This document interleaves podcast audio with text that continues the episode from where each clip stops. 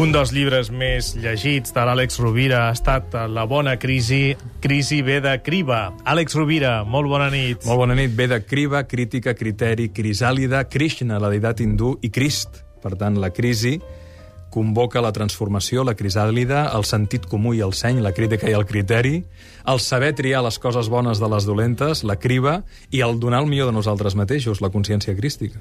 I ens portes unes dades que són molt eloqüents, Mira. que parlen per si soles, espectaculars. Quan les vaig llegir l'altre dia, que Espai més va ser molt bo perquè les vaig veure, però més dos amics em van enviar el correu electrònic amb la notícia escanejada, és una notícia econòmica, però dèiem, la crisi té coses, té coses sorprenents i pot tenir coses bones, no? I dèiem, crisi ve de cribar, no? De triar. Saps quan, segons aquesta dada, que era una petita columna en un diari econòmic i que ha fet una agència d'investigació privada, però que més em quadra bastant amb les dades que tinc jo parlant el dia a dia amb emprenedors i empresaris. Saps quan s'ha reduït l'absentisme laboral, les falses, uh, les falses baixes?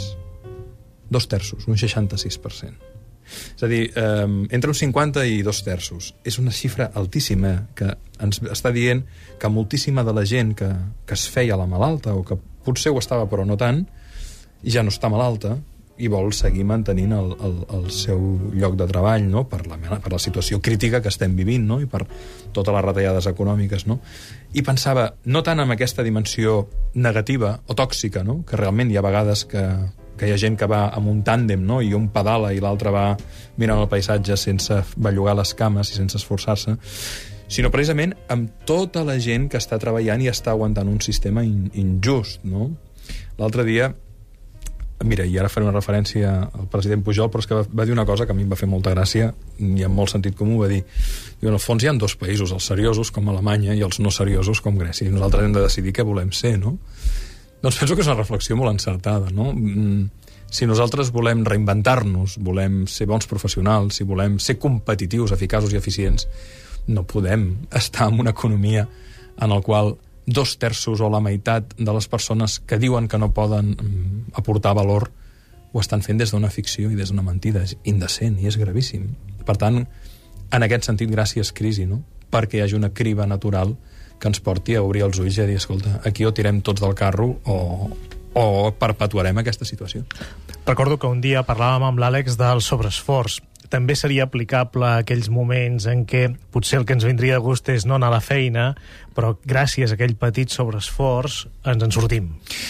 I um, em venia al cap un, una reflexió que, que fa molts anys em, em va fer un amic, no? que ell, ell li deia el minut heroic, no? Diu, al matí, quan fa mandra i fa fred i t'has de llevar, i t'has de posar a estudiar a primera hora o t'has de posar a treballar, i des... o estudiar i treballar o el que sigui, no?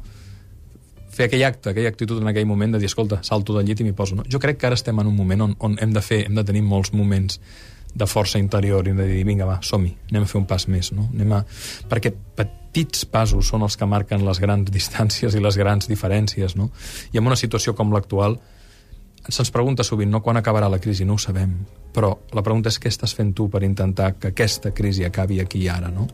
Estem donant el millor de nosaltres mateixos? Estem buscant servir bé, ser útils, um, generar qualitat? En definitiva, generar qualitat. Estem mirant de fer bé les coses, perquè si no, no ens en sortirem. No? Penso que l'estat espanyol no es pot recuperar, s'ha de reinventar.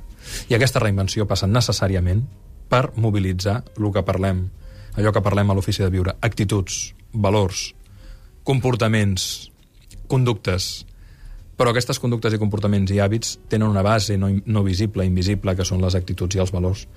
A la crisi s'hi arriba des dels vicis, des de la mandra, des de l'ambició, des del narcisisme, des de l'agotisme, des de la mentida, des de la corrupció. De la, de la qualsevol crisi se'n surten virtuts, amb consciència, amb paraula, amb diàleg, amb esforç, amb perdó, amb gratitud. Per tant, eh, Gràcies, crisi. Tant de bo ho aconseguim. Tant Moltíssimes gràcies, Àlex Rovira, en el bloc de notes de cada divendres a l'Ofici de Viure. Molt bon cap de setmana. Molt bon cap de setmana.